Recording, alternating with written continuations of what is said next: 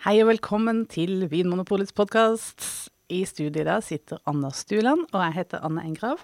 Og hva er temaet, Anders? I dag er temaet Tyskland. Ja, Tyskland rundt i en hurtig Ja, vi får se hvor raskt vi klarer det, da. Ja. Um, la oss starte Jeg kan godt starte. Ja, hva vil du begynne med da? Jo, for jeg tenker det er viktig for å forstå tysk vin generelt, bare å ha litt forståelse for hva som er begrensning, eller hva som er på en måte rammeverket i det som betegnes som eh, tysk kvalitetsvin. Ja, For de har selvfølgelig et rammeverk i Tyskland. Hvis ikke ville de ikke vært tyske. Nei. Og det er jo da den tyske vinloven som er utgangspunktet. Og litt til forskjell fra det franske, så er den tyske vinloven basert på modning av druene. Ikke like mye eh, eh, opprinnelse til druene. Det har kommet litt i etterkant, men det er liksom dette med hvor modne druene er, som er det viktigste for hvordan man beregner kvalitet. Ja, for I Frankrike så har de vinlover knyttet til områder. Ja. Mens her er det modning, ja. Det har liksom vært utgangspunktet. Og da eh, handler det jo om liksom hvor mye, dru, hvor mye druesukker druer klarer å lage i løpet av en sesong. Og jo høyere det tallet er, jo eh, høyere kvalitet kan man sette på etiketten. ja. Og hvordan, hvordan ser du da? Står det på en måte første kvalitet, andre kvalitet? Ja, De kaller det jo da eh, kvalitetsveien mitt predikat. Og predikat kan kanskje oversettes med noe sånt som eh, utmerkelse. Så du har forskjellige utmerkelser. Så innenfor én stor sekk med kvalitetsvein, så kan du få kabinett, spetlese, auslese, berenauslese, eiswein og trockenberenauslese, hvis jeg husker alt. Og alle disse navnene du nå si, eh, nevner, det er da såkalte predikater. Ja, Ja. innenfor kvalitetsvin. Ja. Og da er det sånn at eh, kabinett er, er den det predikatet der kravet er, er lavest på sukker. Ja. Ja. Eh, De, de bruker jo en sånn uh, sukkermålingsmetode som handler om mostvekt, altså hvor tung mosten er egentlig, som eh, angir deres sukkermengde. Og det, der bruker de en skala som heter øksle. Oppkalt etter Ferdinand Øksele. En apoteker fra eh, Würtemberg. Det visste du ikke. men, men det er faktisk sant. Og eh, hvis du da kommer opp Vi får bare godta at denne skalaen er eh, som den er. Eh, jeg prøver ikke å forstå akkurat øksleskalaen, men eh, en kabinett begynner på sånn ca. 70 øksler. Og da er, gir det viner som ofte er veldig friske, og eh, ikke så mye eh, Altså ganske sånn lette i kroppen, da. Nå, eh, hvor mye sukker er det snakk om da, når det er søttøksle? Er det fordi dette sukkeret skal da er potensielt kan bli alkohol. Hvor mye alkohol kan man få i en vin som har søttøksle? Sånn, sånn, omtrent. Ah, Ungefær. Ungefær. Kanskje sånn ti, da. Ja, nettopp, så det, det er lite alkohol sånn i en sånn europeisk vinsammenheng. Ja. Egentlig. Det er en, det er en lett vin. Det er en lav altså, Det er det første du høster. Mm.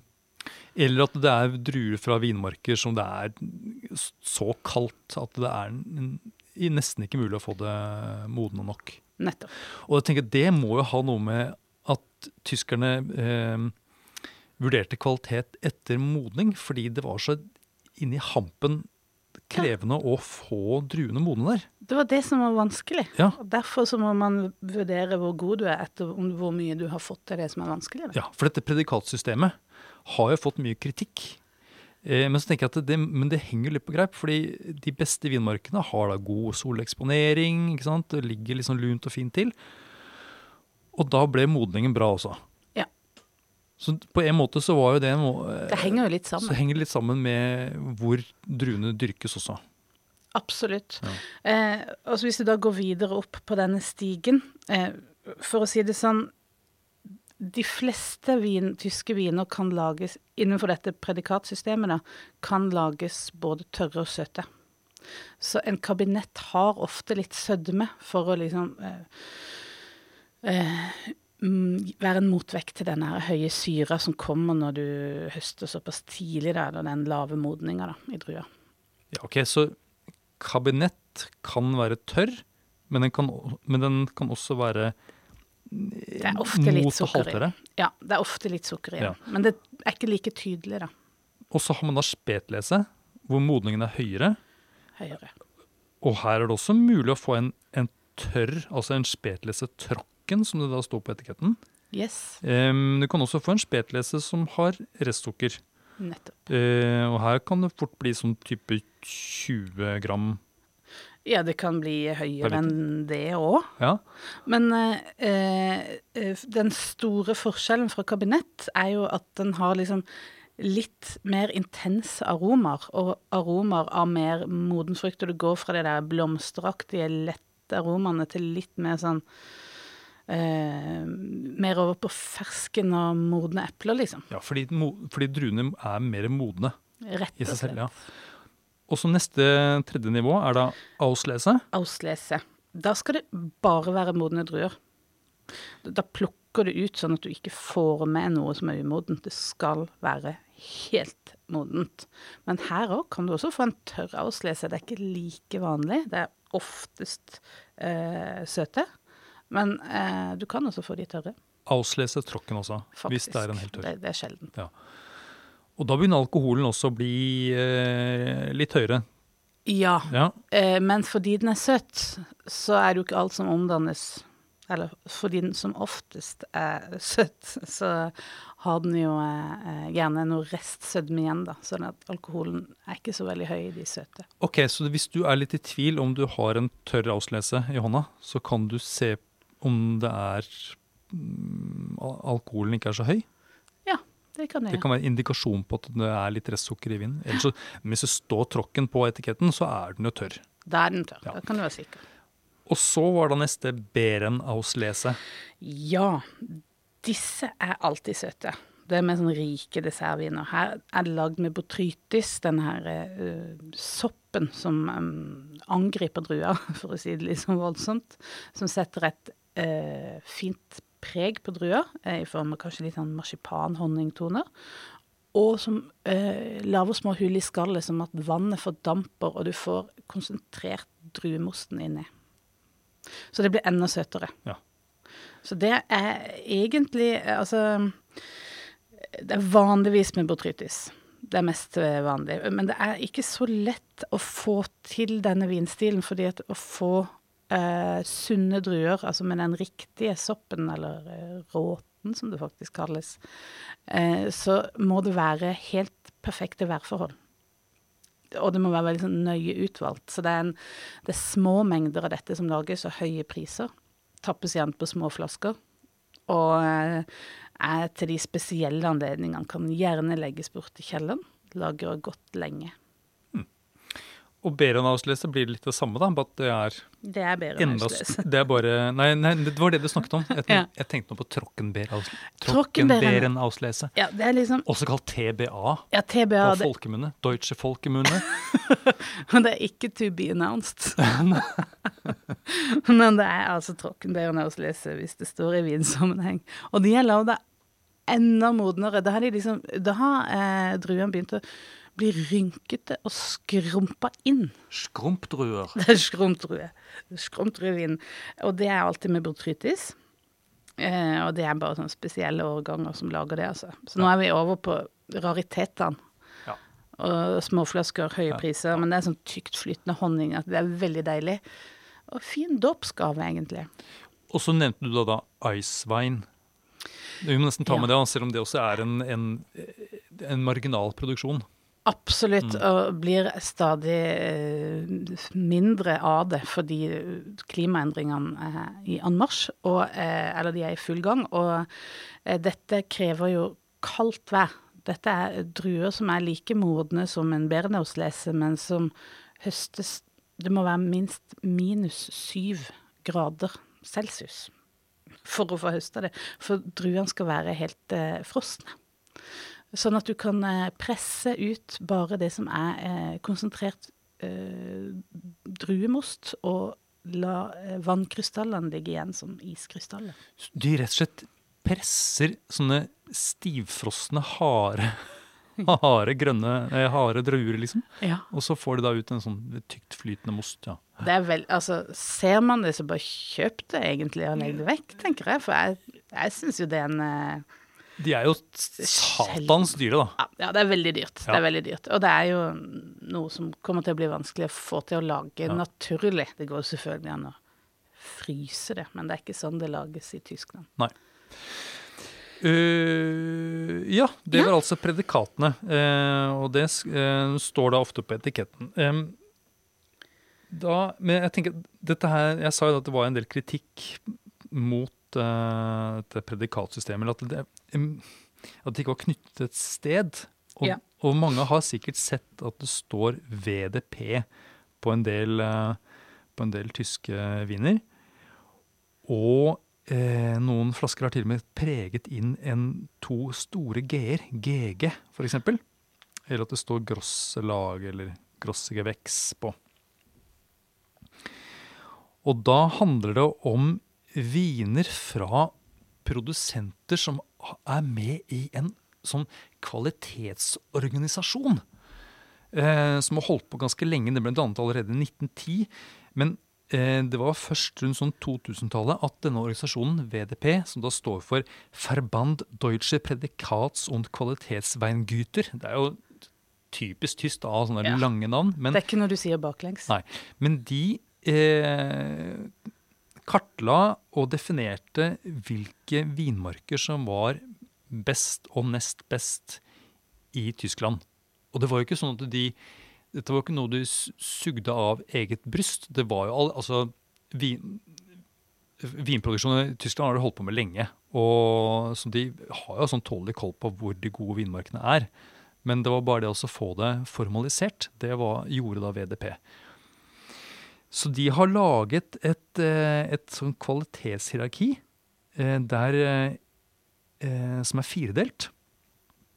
Og den laveste kategorien, kvalitetskategorien kalles da for godsvein. Så da er egentlig bare hu, hus... Det blir kanskje feil å si husvinen, men altså det står kanskje bare produsentnavnet, og så står det druetype f.eks. Det står ikke noe mer enn det. Og så eh, nivå nummer to er da ortsvein. Og da er det by- eller kommunenavnet, hvis man skal sammenligne det som fransk vinlov. Men det er gjerne byen, da. Eh, byens navn som står på. Eh, Wachenheim, for eksempel. Så her har du liksom eh, skrumpa inn litt det området druen kan komme fra, da. Ja. Det er da nivå nummer to. Og så kommer da nivå nummer tre, som da er det som eh, VDP har definert som Erstelagen. Altså eh, det som da vil tilsvare da Premier Cru, da, egentlig. Sånn hvis man skal sammenligne med fransk vinlov. Og så er det helt på toppen, så har man det som da heter grosse laget. Og da er det sånn at de vinene som er tørre, og som kommer fra grosse laget, de kan merkes da som grosses veks, eller det bare kalles GG. Ja. Og da for å gjøre det litt komplisert, så kan jo alle disse fire nivåene kan da tappes i, i ulike sødmegrader. Mm, og, så hvis de da ikke er tørre, så kan de bruke predikatsnavnet fra den gamle tyske vinloven. Nettopp. Så det på en måte er jo, så de har jo De bruker nå den gamle vinloven med predikater eh, for de viner med sødme, men de har altså tilført dette nye som har med vinmark, da. Så en gråsige geveks er alltid tørr. Ja. Og dette er altså eh, et selvpålagt regelverk Mm. som kommer fra produsentene sjøl, eller? Det er jo ikke, eh, det er jo ikke staten Deutschland Nei, som gjør det? Nei, staten har ingenting med dette å gjøre. eh, Og det er nå godt over 200 medlemmer. Og det er kun medlemmene som får lov til å bruke disse navnene og disse begrepene. Så det er klart det fins jo vinprodusenter som har, som har planter i disse, de samme vinmarkene, men de har jo ikke da lov til å sette Erste lag eller Grosses geveks på, på sine tapninger. Og kan hvem som helst melde seg inn i VDP? Bare Eh, Det har jeg ikke sjekket. Nei, jeg tror, jeg tror du må fortjene det. Jeg tror du må liksom bli godtatt av de andre oh, ja. i regionen. Tror du det er sånt hemmelig sånn, sånn rituale sånn i eh, frimurerlosjen? Eh, Det håper jeg. Gå naken ned Råte hang, f.eks. Sannsynligvis. Etter mørkets frembrudd. Dette er, en, dette er noe jeg vil se en dokumentar om. Jeg vet ikke. Men vi må, vi må ta for oss, eh, vi må ta for oss eh, regioner nå. Ja, men jeg har lyst til også, eh, men før vi setter i gang med det, så jeg tenker at eh, mange blir litt skremt når de ser en tysk vinetikett. Ja, Um, det er sant. ma- mange av dem ser jo litt sånn gammeldagse ut. Det har jo skjedd mye egentlig med eh, Noen har fått litt mer moderne design nå, men det er de der utrolig lange navnene. Ja. Eh, og for, fordi det høres eh, For jeg tenker at det med VDP, som du har ryddet opp og hadde, fikk dette kvalitetshierarkiet knyttet til sted, så har allikevel tyskerne et veldig sånn ryddig system fra før, egentlig, som sier noe om eh, byen og eventuelt en enkelt vinmark. Det Mm. var egentlig et Det var noe de hadde på plass før VDP kom. Ja. Eh, og da kan jeg komme med et eksempel. Hvis du f.eks. står med en flaske fra Mosel, og så står det Peace Porter Goldtröpfchen Ja. på etiketten, så eh, betyr det at eh, vinen kommer fra eh, nær en by som heter Peaceport. Som de har bøyd. Ja, for det også kommer, legges på en ER, Peaceporter. Og så kommer da enkeltvinmarken etterpå. Goldtröpfchen. Nettopp. Gulldråpen. Ja. Eh, så, så det kan være en litt sånn grei måte Hvis du ser et sånt litt langt navn på den tyske etiketten, eh, og det første ordet da eh, slutter på ER, så er det antageligvis byen. Og neste navn er antageligvis da en, en enkeltvinmark, eller en Einzellage. Og så da, Problemet er at denne Peaceporter Goldtreffersen, den kan jo da både tappes som en GG, Ja, for det er en gråselager. ja, og da må den være en tråkken, men må da være fra en VDP-produsent. Men det kan også tappes f.eks. som en Auslese, gråselaget fra VDP. Eller den kan være en Auslese tråkken, men fra produsent som ikke er i VDP. Eller det kan bare være en Auslese fra en produsent som ikke er i VDP. Så det er fire forskjellige muligheter da, i tillegg til Så det er jo litt komplisert. Men samtidig også, hvis du først kan det, så er det veldig mye informasjon du kan lese ut av en tysk vinetikett. Ja, det er vel derfor de ikke vil gå vekk fra det. Ja. Jeg har lyst til å legge til én ting til også, akkurat det med tyske vinetiketter. For det har skjedd en litt sånn artig dreining eh, de siste årene.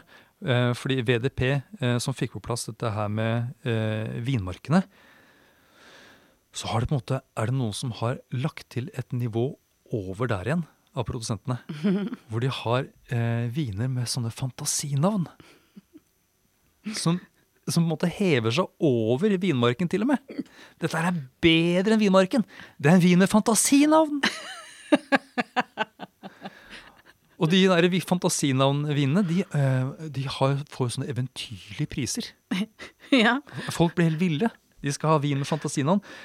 Og det er, jeg Det er vel ikke bare navnet, kanskje? Det kanskje. ikke bare det. Altså, det er jo selvfølgelig det er sånn nøye selekterte druer liksom, fra de aller beste vinmarkene. Men det står altså ikke en vinmark på etiketten, det står et fantasinavn.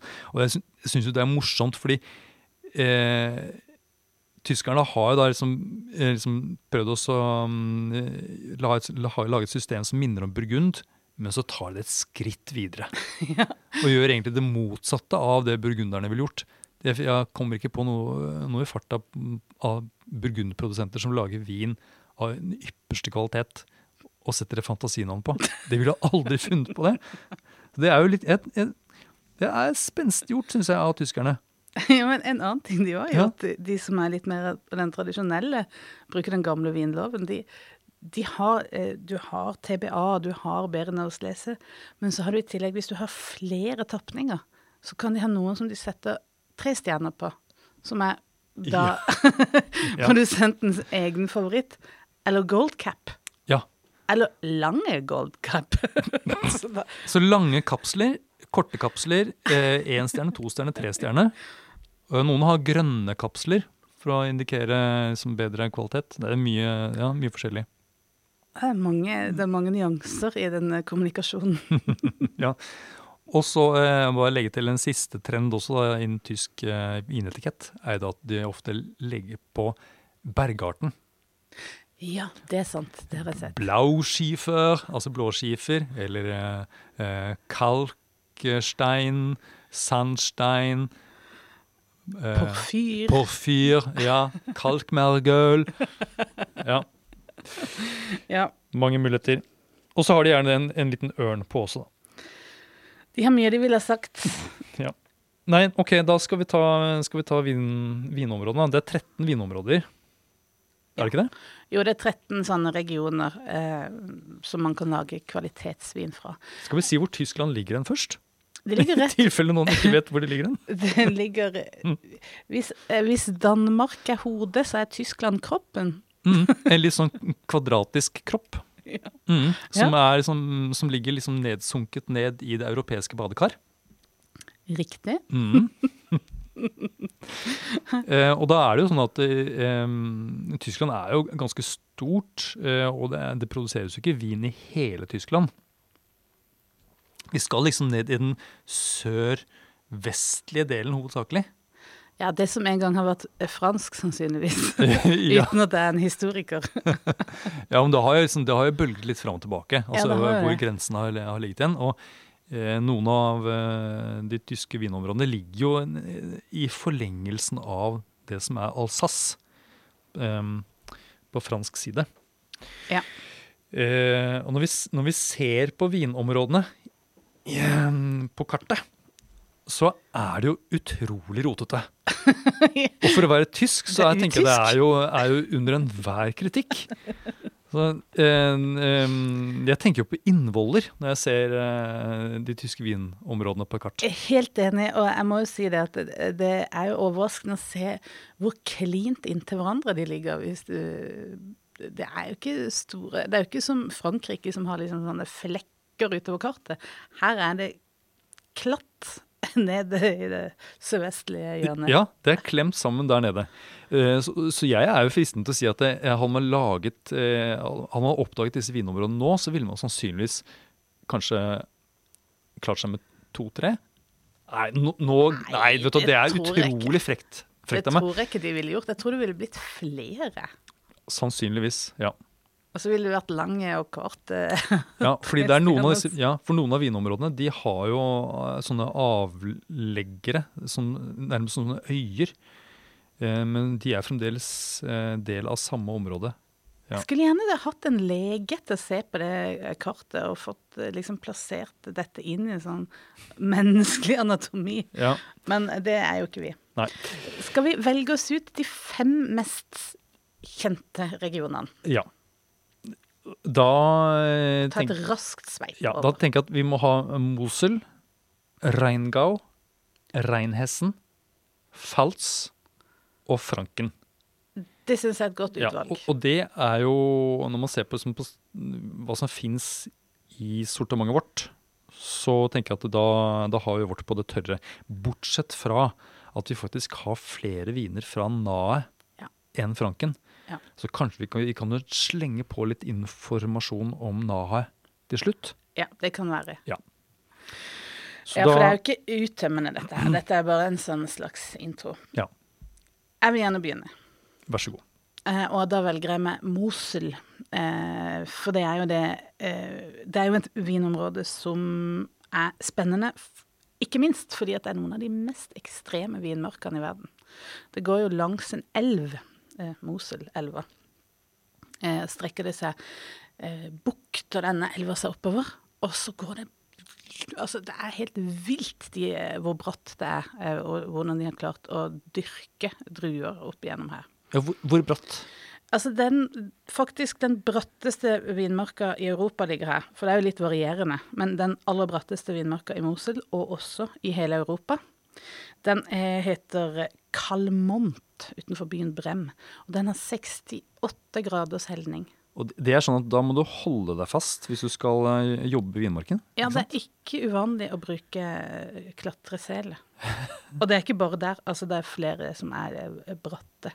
Men det er ikke alt som er like bratt over hele Mosul. Men på de bratteste så bruker man sikring. Jeg har gått i en sånn vindmark en gang, det har sikkert du òg. Og altså, så er det ganske mye stein der. Jeg var redd for å liksom starte et skred eller noe sånt. Både flaut og veldig vondt. Men eh, det gir jo selvfølgelig en del eh, ulemper på den måten at det er veldig arbeidskrevende. Det tar omtrent syv ganger så lang tid å, å, å, å jobbe i vinmarkene i, eh, i Mosul som f.eks. i Bordeaux, da, som er helt flatt. Det er, eh, det er interessant. Det er ganske interessant. Ja, Når man tenker på liksom prisene på disse vinene, så, Ja. så gjenspeiles ikke det sånn egentlig. Nei, ikke egentlig. Noen er jo veldig berømte og oppnår veldig høye priser. Eh, og eh, Mosel har jo også vært kjent på den måten at det har blitt sett på som det mest ekstreme vinområdet, også fordi det er så langt nord. Eh, og at det har vært vanskelig å få modne druer der. Og derfor så har eh, jordsmonnet spilt en rolle, dvs. Si at det er mye skifer i vinmarka som kan magasinere varme og hjelpe til med modninga. Så det er også en sånn fun fact, eh, og som er, folk er veldig opptatt av det. Denne her eh, skiferen. Ja, Og så har vi. Moselelven, da. Ja. Som da Den reflekterer vel da også sollys opp Ikke sant? til plantene. Og det at det er så bratt, gjør at du får mer soleksponering. Så det er mye her som gjør at du kan få modne druer, da. Eh, og så er det dette her med at eh, vinstilen fra Mosel har jo vært kjent for å være en slags sånn mm, sånn totalt sett, veldig overordna, kan man si at det er en sånn balanse mellom syre og sødme. Høy syre, og så litt sødme. Så det er en sånn derre balansestang her som gjerne eh, gir litt sånn spennende viner, for det blir sånn kontrastrikt, og, og ofte sånne lette, florale aromaer. Ja, Og det det, er Riesling som er hoveddrua. ja, det kan vi jo, kan vi jo bare si med en gang. At det Ja. Riesling eh, er jo en viktig drue i en, nesten alle de tyske vinområdene. Og spesielt i Mosel. Det er 90% beplanta med Riesling. Ja, Det er en drue som tåler eh, å ha det relativt kaldt. Mm. Og gir disse friske, friske vinene. Blomster, ja. Jeg også syns at det er sånn typisk for Moselvin. Eh, og så har de, kan det ha en sånn liten stink. Ja, kleine stinker. Ja, eh, som jeg Som er noen sånn form for reduktivitet eh, eller noe, som kan ligge som et lite slør på de unge vinene, som minner litt om lukten av sølvpuss, syns jeg. Ja, det syns jeg er en fin knagg. Den har jeg lånt av deg noen ganger. Jeg, synes, jeg, jeg skjønner hva du mener med det. Men det går seg til. Ja. Det gjør det. Det er vanligere og vanligere at vin tappes tørr, ikke sant? ja. Før så var det jo som sagt pga. denne modninga et problem med for, da høy, for høy syre, så de valgte å beholde litt av sukkeret. Men, men nå er det jo endra seg der også, så nå er det eh, stadig kortere mellom de gode, tørre Moselvinene. Og eh, altså Jancis Robinson, som er en eh, eh, liksom, ivrig leser, hun mener at eh, av alle de tyske vinregionene, så er det Mosel som har liksom høyest tetthet av talenter innenfor vinmakere. At, masse, at du må være eh, ganske på for å lage god vin i Mosel. For du, både det arbeidskrevende eh, området, og også det at du uh, jobber med eh, disse her naturgitte styre- og sødmenivåene. Og, og, og det viser seg jo også at det, det har vært en fremvekst av f.eks. oransjevin, og liksom man tester ut litt sånn nye ting. Så Mosel er både full av tradisjoner og en del spennende nye ting som skjer. Mm. Yes, jeg tror det er en Ja, Skal vi ta, gå videre til f.eks. til eh, Reingau? Da, prøve, fordi Mosel ligger da eh, ganske langt nord eh, i, dette, i dette hjørnet av Tyskland, der hvor vinregionen ligger. Og da ligger jo egentlig eh, Reingau ikke så langt unna. eh, den ligger eh, litt øst for Mosel og bitte litt sør, men den ligger jo da lenger inn i landet. Så det er et område som er litt varmere enn Mosel, kan man vel si. Vinmarkene er ikke så bratte eh, som i Mosel. Ikke så spektakulært. Nei, det har flata seg Flata litt ut. litt ut, ja. Og så ligger jo da det Her er det ikke Moselelven, men det er det som heter Rien, som, eh, som renner da på den, på, sånn på den sørlige ytterkanten av, av Reingau. Så vinmarkene ligger da på nordsiden av, av Rhinen, da. Her, dette er jo et av de eldste vinområdene i Tyskland. Og her er det en del sånne gamle klostre og veldig gamle eiendommer som fremdeles eh, holder på. Med gamle vinkjellere, gamle munker. Gammelt. Ja, mye som er alt. Alt er reben, forresten. Det betyr jo da gamle vinstokker på tysk. Hvis du, ser det på, på en etikett, så det, betyr det.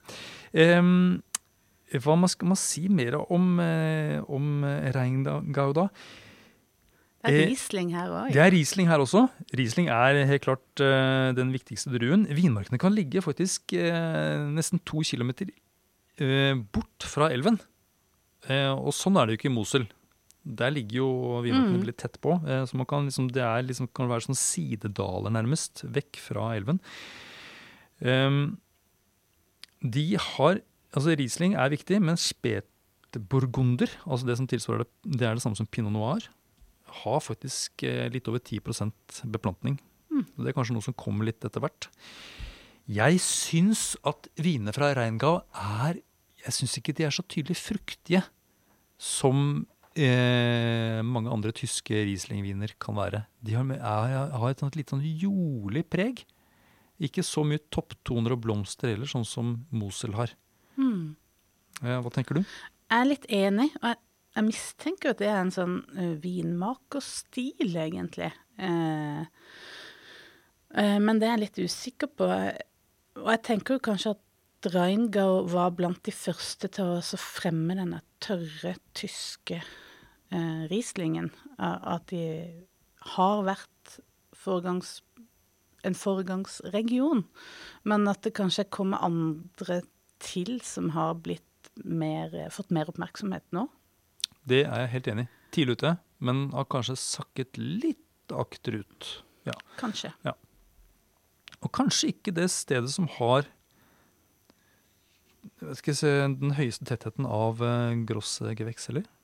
Nei, de har vel vært litt sånn uh, halvveis En del som har vært litt sånn motstandere til VDP og hatt sine egne løsninger og sånn. Ja, Ja, det er noe politikk Ja, inni det hele. ja. Eh, jeg vil gjerne fortsette Mm. nedover langs Rhinen, til Rheinhessen, eh, som er et av mine eh, områder Altså, jeg har jo bodd et år i Rheinhessen, så jeg føler at jeg liksom har liksom tilhørighet til eh, det. For jeg syns det var spennende, også med tanke på det at det har vært et område som har vært kjent for bulkvin og lavkvalitetsvin og eh, eh, denne her øh, Liv fra Milch. Fra Milchen, som eh, ikke har vært eh, Altså som har vært liksom litt sånn halvsøtt, billig vin som ikke har vært noe for vinkjennere. Eh, og det er jo et område, Rheinhessen er jo et område som er ganske stort. Det er et av de største vinregionene eh, i Tyskland. Eh, og de har jo hatt et ganske sånn stor variasjon av både druer og kvalitet. Det syns jeg er interessant, eh, for der ligger det mye potensial, tenker jeg. Eh, og mye vilje til endring. Eh, Sånn helt geografisk så er det mer sånn klump av en vinregion. som Har en del eh, høye fjell i vest som beskytter mot en del regn, så det er relativt tørt. Eh, og er, elva er bare helt i nord, så dette, det har ikke så mye påvirkning fra elva. Men de, eh, de områdene med, eh, som ligger tett på Rhinen, er kanskje de varmeste, har fått høyest modning, har vært de mest eh, kjente. Ja, fordi der har vi altså på, på sånn den nord nordøstlige delen av Reinesen så har man det som heter eh, Råtehang og Hipping og disse Ja, Råtehang er jo en samling av vinmarker som ligger helt inntil elva. Ja. Med sånn råte, eh, beskriver jorda, da, som er en sånn rød skifervariant. Ja, og der er det ganske bratte skråninger. Der er det bratt. Ja. Men ellers så er det store områder da, som du sier, som ikke ligger inntil eh, Rhinen, men som ligger mer sånn bølgende, Ja. eh, frodig eh, landskap. Så bortsett fra Råtehang, som har hatt en lang historisk anerkjennelse, eh, så har det vært eh, liksom Har man tenkt på alt det andre som tullevin, da. For det har vært Burgeland eller Vonnegau, har man kalt det, som, eh, som er bare et sånn Ja, det borti der, liksom. Men der har, eh, her, der har det vært en stor kvalitetsøkning fra 90-tallet og fram til nå. Der det har vært eh, litt sånn ambisiøse og unge vinprodusenter som har tatt over eh, gårdene og eh, satsa litt mer sånn knallhardt på å heve kvaliteten. Ja. Det funka. Unge vinmakere som gjerne liksom snakker med hverandre. Ja. Mange av dem har vært ute og reist. Eh, Og lært og lært eh, liksom jobbet i andre, andre land som vinmakere eller assistenter. Eh, ja. Nei, Det er vel et sånt område som kanskje var kjent for at du kunne dra som sånn vinturist og så sitte på sånne traktorer, eh, eller satt på sånn traktorhenger, og så kjørt rundt, og så ble det servert da eh, noe sånn rimelig eh, Müller Turgau-basert eh, vin. Ja, for det er også litt interessant. Det er et ganske stort spekter av vindruer. Eh, er jo noe, det er jo en, eh, noe de har på en måte en lagd vindruesort eh, som er klona fram. Men du har en del lokale, gamle druetyper som de fremdeles holder litt i hevd, og som kan gi en del spennende viner. Silvaner er jo mye brukt i reinhesten også. 9% beplantning tror jeg. Eh, og den drikker de alltid når det kommer hvit asparges. For det har de også mye av i reinhesten. Hvit asparges på høsten. Nei, på våren. Dere, eh, høst, høstaspargesen. Og Silvana, det er liksom en sånn fest, da. Ja. Eh, men det fins jo eh, også andre ting som skjøyrebe og dornfelder og mye liksom En en ganske stor eh, variasjon, da.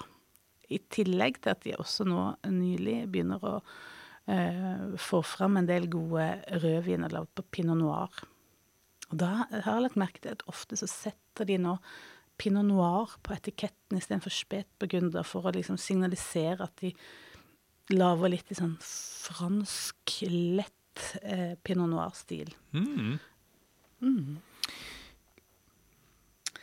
Skal Ja. vi si noe mer om eh, spetburgunder eller pinot noir når du først er inne på det? Ja, vi kan jo si noe om det. Ja, fordi du nevnte noe med stilen at eh, fordi eh, tyskerne de har holdt på å lage rødvin og rødvin på pinot noir eh, i ganske mange år, og det har vært en sånn eh, en sånn prestisjesak tror jeg, for mange produsenter å lage en, en litt sånn mørk og liksom fyldig rødvin med sånn tydelig preg av moden frukt, og gjerne en solid dose fat. Ja. Det var det som skulle til for at det skulle bli bra. Men så har de gått litt bort fra det nå. Nå er vinene blitt litt mer delikate. De har tonet ned fatbruken litt. De er friskere, og de minner jo kanskje mer om eh, burgunderne. Ja, de gjør jo det. Og, eh, vi har jo ofte i, i blindsmakinga å snakke om at hvert fall tidligere at hvis du kjente en sånn syltetøyspreg, liksom marmelade, så er det typisk sånn tysk spetburgunderknagg. Men det begynner å bli vanskeligere å bruke nå. Eh, at det er oftere lettere sånn blomster og eh, kanskje en sånn grønne urter som er de tyske eh, pinot noir-knaggene. Mm. Som det også er i, i Frankrike. Og så er det to områder som vi ikke skal prate noe om nå, men som har, i hvert fall har vært kjent for oss å lage god spetburgunder. og Det er jo da Ar, og så har vi Baden, som er et uh, veldig stort område igjen. Det er de to områdene som har vært, tidligere vært kjent for å lage, eller spesialisert seg på spetburgunder. Ja. Ja. Absolutt. Du, um, jordsmonn og sånn, det er jo litt mer variert da i, eh, i Reinhessen enn uh, spesielt Mosel.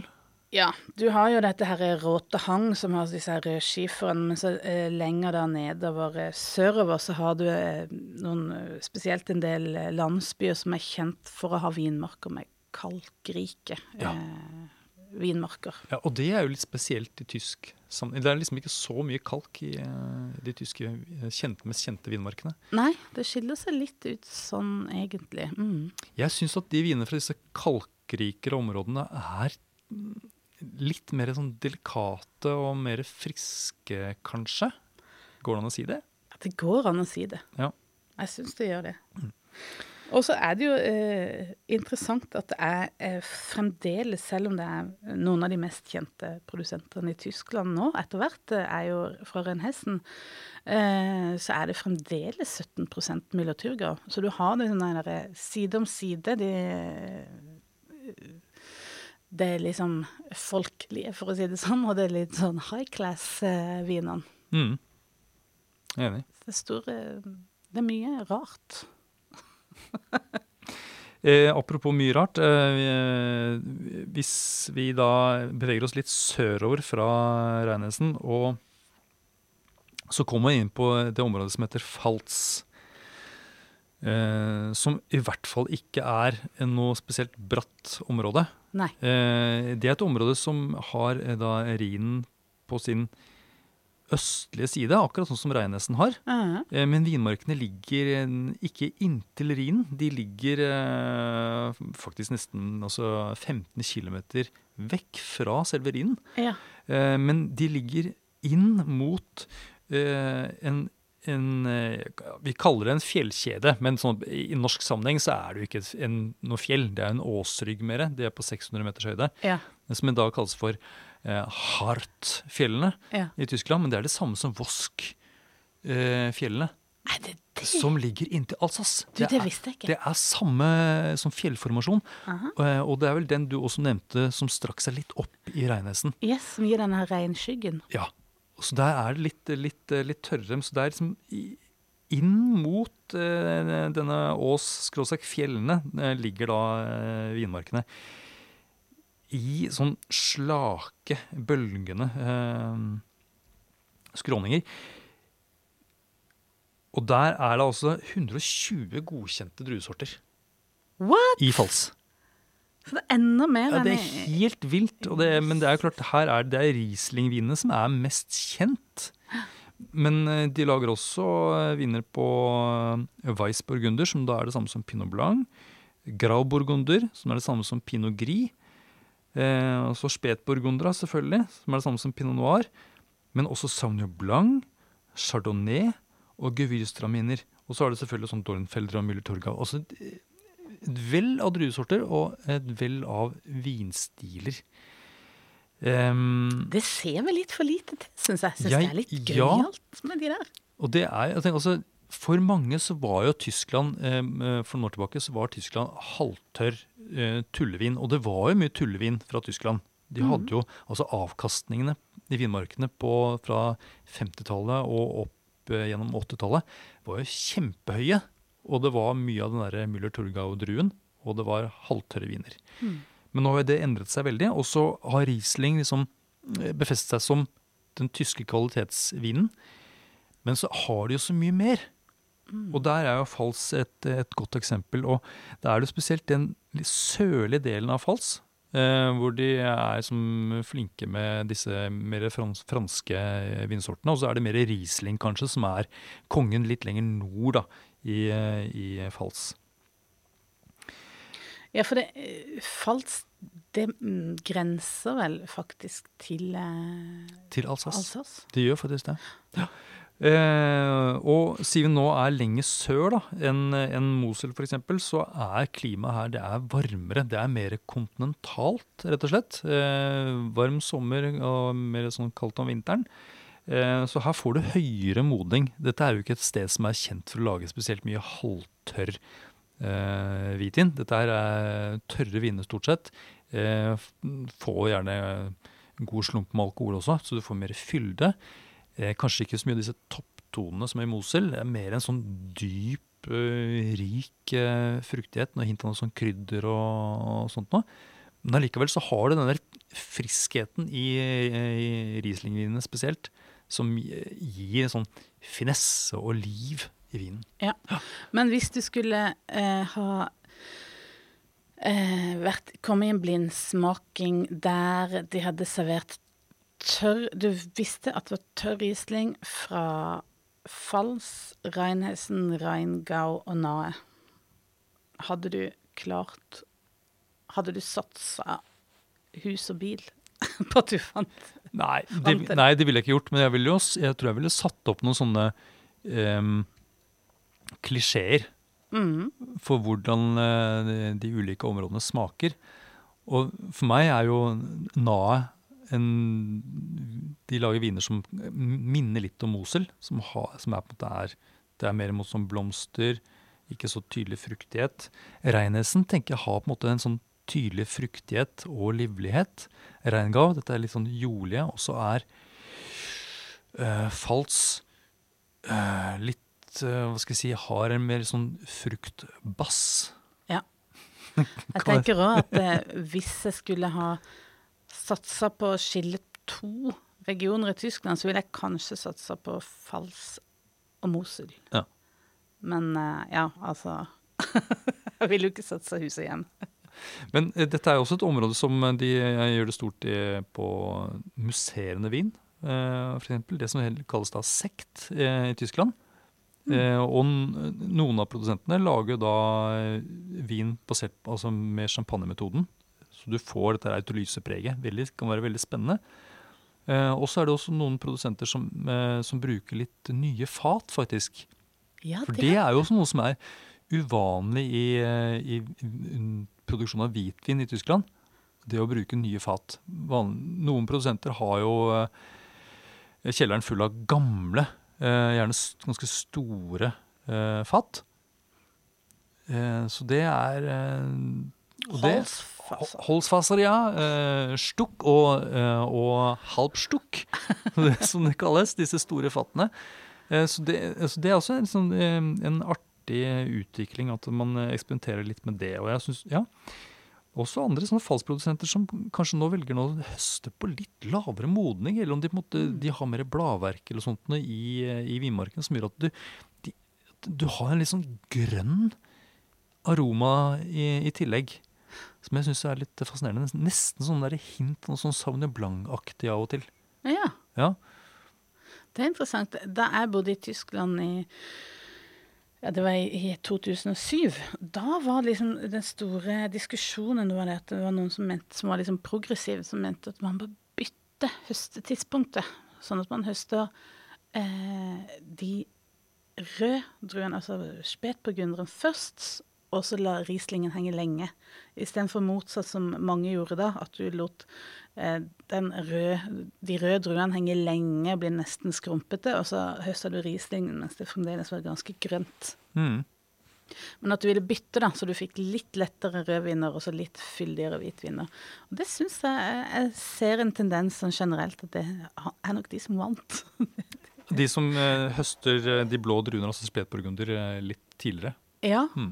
Om ikke de har gjort det sånn eh, helt typisk bytte alt, så virker det som om litt lavere modning på de eh, røde druene, og, litt, eller blå druene, og så litt høyere modning på de eh, grønne. Men nå har vi, altså, nå har vi butta i grensen til, til Frankrike. Nå kommer vi ikke noe lenger sør, egentlig. Nei, nå må vi østover. Uh, ja, det må vi. Vi skal til Franken. Vi skal til Franken. Vi må ha med oss Franken, for det er et litt sånn mm, område, en region som skiller seg litt grann ut. Eh, og det er fordi at eh, Først og fremst er det fordi det er kanskje et område som er mer kjent for silvaner enn for Riesling. Og det er jo eh, sjokkerende, egentlig, i Rieslingland. Eh, også en annen ting som er ganske spesielt med Franken, at de har eh, tradisjon for å ikke tappe eh, vinen på de der lange Riesling-flaskene, men på sånne korte, klumpete Hvordan skal man beskrive det? Stumpflasker. Stumpflasker. Eller boksbeutel, som, eh, som de kaller det. Eh, som betyr Var det geite eller? Geiteballe? Ja, det er vel en bukkeballe. Bukkeballe, ja. Mm, bukkeballe. Eh, som, Tenk om det var det de brukte i gamle, gamle dager. Det kan jo ikke ha vært det. De fylte silvaneren sin på en sånn uh, utstoppet uh, geitepung. Ja, det de gjør jo ting på sin egen Ja. måte der oppe i, i Franken. Men Hvordan vil du beskrive viner basert på silvaner sammenlignet med Riesling? Eh, jeg vil beskrive de som De har ikke like uttalt fruktighet. De er litt mer dempa i, i frukten, syns jeg. Eh, kan kanskje minne mer om en Grüner Veltliner eller en slags hybrid av de to. Eh, sånn at det er fremdeles fruktige viner, og de er sånn sitrus- og eplefruktighet. Men så er det noe kanskje litt sånn urt og noe mm, Kanskje noen ganger litt sånn jordlig, men det er generelt sett litt mer dempa. Ja, helt enig. Eh, Så det er, det er ikke så tydelige, men de har gjerne veldig sånn fin munnfølelse. Ikke li, høy syre, men ikke like syrlig som Riesling. Så de er liksom også litt mer dempa på den måten. Og så mm, innbiller jeg meg at munnfølelsen ofte er litt sånn glattere olje. Ja, de er litt feitere i munnen enn det Riesling er. Ja. Det er mitt inntrykk også. Også dette er litt jordet du nevner, som jeg tenker som nesten noe sånn bakt jord... eh, sånn eh, bakte rotfrukter. Noe som minner om sånn Sellerirot. pastinakk. Som en sånn, sånn god, sødmefull eh, kryddertone som ligger sånn i, i bunnen av en eh, god silvaner. Og det er også, eh, også Riesling-viner er jo veldig morsomt å legge i kjelleren og, og la utvikle seg en del år. Og jeg tenker, det kan man gjøre med en silvaner også. Absolutt. Ja. Og, og silvaner er jo så fine å bruke til mat, nettopp fordi at de, legger seg litt grann eh, bak. Riesling passer jo selvfølgelig til alt, men, men silvaner er også veldig anvendelige på den måten. Både med den munnfølelsen og det med at de er liksom litt sånn dempa. De gjør ikke så mye ut av seg. Ja. Eh, de er som regel tørre. Det er liksom det vi kjenner de som. Og eh, Franken er jo et eh, område som er liksom litt sånn spredt rundt forbi. Visstnok store geologiske forskjeller, uten at jeg eh, egentlig kan si hvordan det viser seg i vinen, men eh, Ja. mye Ja, Da faller jeg litt av, jeg. Ja. Når det står det i sånne vinbøker at her er, at det er liksom veldig variert jordsmonn. Ja. Da kobler hjernen min litt ut. Det er mye enklere med Mosel. Skifer. eh, Mye greier. Ja. Franken. Masse rart. Maserat. Men de har silvaner, bare husk det, så er det greit. Og Riesling, da, selvfølgelig. Ja da, vi har jo det. Eh, vi, ja, jeg sa noe om at vi kanskje burde ha med nahe, da. Eh, hva skal man si om nahe? Nahe? ja. Det er, da må vi jo tilbake igjen. Altså jeg sa at det er viner som minner litt om Mosel, og det er ikke så rart, for Nahe ligger da eh, rett sør for, eh, for Mosel. Um, Men det ligger jo så klint inntil Reinhessen. ja da, det ligger mellom Mosel og Reinhessen kan man vel si. Um, og Og det rett sør for Reingau ja, og den har jo da, den har jo da en elv da, selvfølgelig som heter Nahe, som renner gjennom. Mange av disse tyske vinområdene har jo en elv. Eh, her også ligger, er det på en måte ganske bratte vinmarker, sånn som i Mosel. Ikke så bratte, men de er bratte. Eh, og, men eh, skråningen er mer sånn brutt opp med sånne smådaler, eller små dalfører som går inn. Eh, og innover der så kan det også ligge vinmarker. Eh, vinmarkene ligger liksom ikke sammenhengende, sånn som de gjerne gjør i Mosul, men de ligger litt mer spredt. Ja. Eh, Blir vel litt varmere. litt varmere. Også på grunn av de der at du på en måte lager sånne gryter. Ja. Så du får holdt på varmen på en litt annen måte. Og, og selv om altså Mosel det, altså Jeg har sett de gamle vin, altså vinmonopolprislister fra sånn type 1930-tallet. Og da står det jo um, man, da, har, da har man Mosel-viner, og så har man Rinsk-viner. Det står ingenting om Nahe-viner eh, på den tiden. Nei. Det var jo ikke et, eh, har jo ikke vært, kjent, eh, vært noe kjent område. Men det er jo et område som har kommet som en eh, rakett. En tysk vinrakett. Eh, fra sånn seint på 80 80-tallet. Og det har liksom vært noen sånn veldig toneangivende produsenter. Kjendisprodusenter. Og det skal man ikke kimse av. Nei, man Hva skal de ikke det. får eh, bringe med seg i kjølvannet. Ja, så de, og, eh, så de har laget eh, mye stilig eh, Riesling-vin som har vist seg å være veldig lagringsdyktig. Som kan være litt sånn tilknept som, som unge. Jeg tror, Hvis jeg skulle gått inn i den eh, blindsmakinga Du sier du ville sammenligne noe med Mosel. Mm. En slags Mosel-variant. Jeg tror jeg ville gått for en sånn Reinhessen-variant. Ja. Det, de er ligger- tørre, i hvert fall. Det Ligger mer sånn slektskap der. Mm. Tørre viner. Riesling, stort sett. Yes. Ja, jeg tror vi har tatt for oss det viktigste med Tyskland nå. Det er jo eh, veldig mye mer å grave i og finne ut av, men er eh, Kan jeg si en ting? oversikt. Ja, vær så god. Ja, for jeg, jeg, jeg, når jeg satt og forberedte meg litt i går og tenkte på dette her med, med Tyskland, så snakket jeg med Håkon, en, en kollega av oss. Mm. Og han sa noe som, var litt, som jeg egentlig er veldig enig i. Han sa at det, eh, når det gjelder chardonnay, da, for eksempel, som man tenker er en fransk druesort, så lages det jo veldig mye god chardonnay. Mm. Det gjør eh, faktisk. Eh, Det finnes veldig god chardonnay fra California, for eksempel, fra Sør-Afrika og Australia. Eh, til og med Tyskland. Ja. Men Riesling det, man, man sier liksom at ja, det, eh, det fins god Riesling fra Clare Valley i Australia eller fra Finger Lakes eh, i USA. Men gjør det det egentlig? Det er ikke tysk. Man tenker liksom at ja, det er en OK Riesling fra disse områdene. Mm. Men Til Finger Lakes å være. til Finger Lakes å være. Men jeg tenker at når det gjelder Riesling, så er Tyskland suverene. Ja, de er det. Østerrike Østerrike og Alsace, men- eh, altså i Frankrike, de lager, de lager virkelig god eh, Riesling, de også. Men Tyskland, de er suverene på Riesling. Ja, de har naila det. Eh, Kan, kan vi driste oss til å si noe sånn Hvordan skiller en tysk Riesling seg fra den østerrikske og Alsace-Rieslingen? Mm, ja, kan, Er det noen forskjell? vi kan jo prøve å si noe. Jeg har en gang tatt i en blindsmaking, så derfor så trodde jeg skjønte det. Men jeg har bomma seinere. Eh, men jeg innbiller meg at en østerriksk Riesling Det er et eller annet med den syra som er liksom Akkurat som den er skarpere. Det er akkurat som tyskerne har litt mer sånn fruktflesk. Og i, enda større grad i Alsace. Så dette det er akkurat som om den er um, At det er flere uh, nyanser i de tyske. Nå snakker vi klisjeer, altså. Men at det er virker som det er mm, akkurat passe moden frukt, og at det er nyanserte. Mens den østerrikske er liksom litt sånn tydeligere struktur, sånn uh, syremessig. Den østerrikske? Den østerrikske. At det er liksom enda høyere syre. Ja, akkurat. Det har ikke jeg tenkt på.